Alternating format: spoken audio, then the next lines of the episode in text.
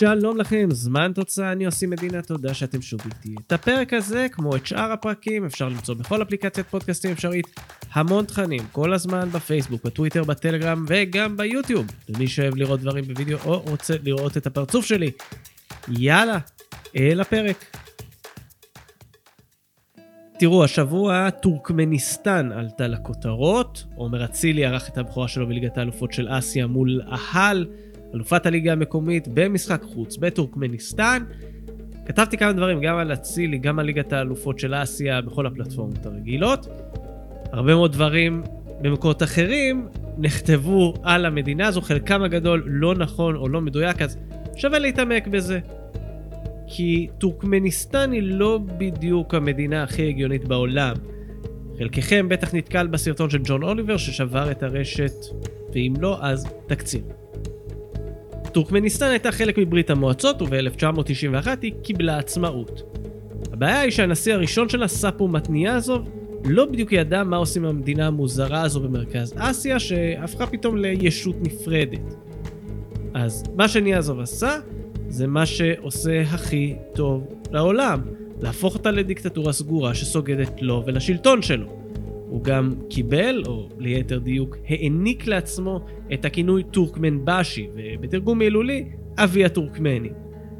ב-2006 ניאזוב מת, ופינה את מקומו למחליף שלו, שם קליט, שימו לב, גורבנגולי ברדי מוחמדוב. ברדי מוחמדוב לקח את מה שעשה ניאזוב צעד קדימה.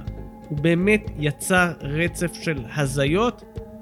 למשל, יש לו חיבה גדולה לכלבים, וספציפית זן בשם אלביי, שזה בעצם סוג של כלב רועים שהמקור שלו בטורקמניסטן.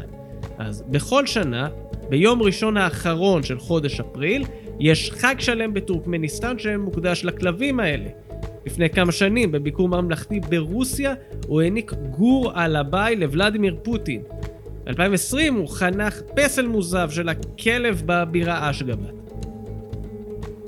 אם כבר 2020, אז באותה שנה ברדי מוחמדוב אפילו נלחם בקורונה בצורה נחושה.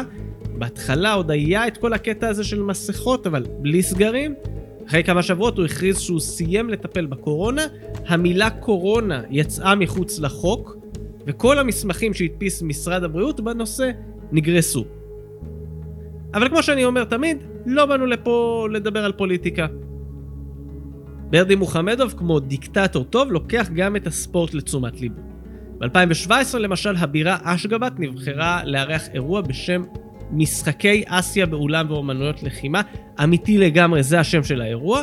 אז מה שהוא עשה זה כמובן לבנות אצטדיונים ואולמות בקצב מסחר, כולל אצטדיון שנקרא האצטדיון האולימפי, למרות שאשגבת לא תארח כנראה אולימפיאדה בעתיד הנראה לעין. מה קורה בכדורגל? במשך עשור, מי ששלטה בליגה המקומית הייתה קבוצה בשם אלטין אסיר. אלטין אסיר זה מונח די פופולרי בטורקמניסטן, שהמשמעות שלו זה דור הזהב.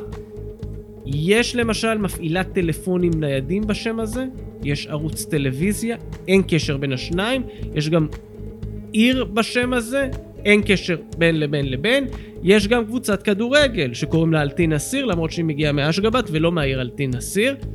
אין לה קשר גם לא לערוץ הטלוויזיה, אבל במשך תקופה מסוימת חברת הטלפונים הייתה נותנת את החסות הראשית, אבל השם של הקבוצה הגיע לפני החסות.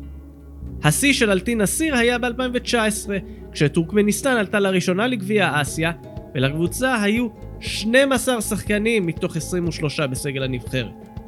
גם מאמן הנבחרת אז, עוד אחד עם שם קליט, יזגולי הוג'גלדייב, הוא אימן את הקבוצה במקביל, הוא אגב עדיין מאמן את אלטין אסיר.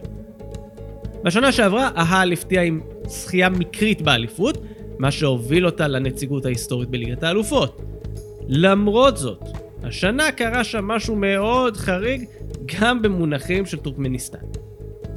באליפות טורקמניסטן זכתה השנה קבוצה בשם ארקדג.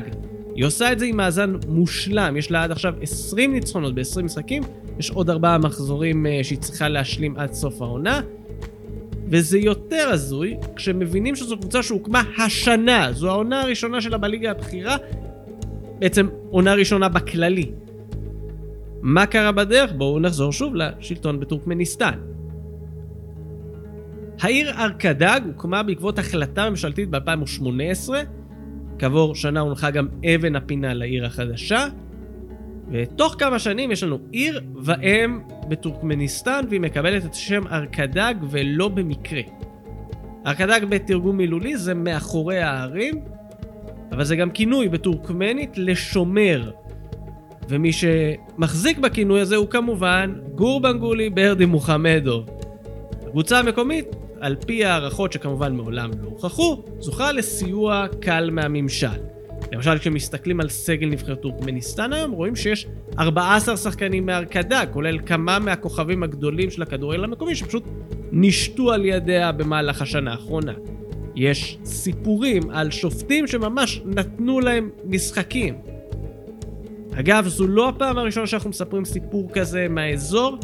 בפרק 110 דיברנו על טאג'יקיסטן השכנה, שם דיברנו על המעורבות הגדולה של רוסטם אמומלי, בנו של נשיא טאג'יקיסטן, בכדורגל המקומי. בקיצור, כמו שאתם יודעים וכמו שאני אוהב, דיקטטורה וכדורגל תמיד הולך ביחד ותמיד זה מייצר לנו סיפורים משוגעים.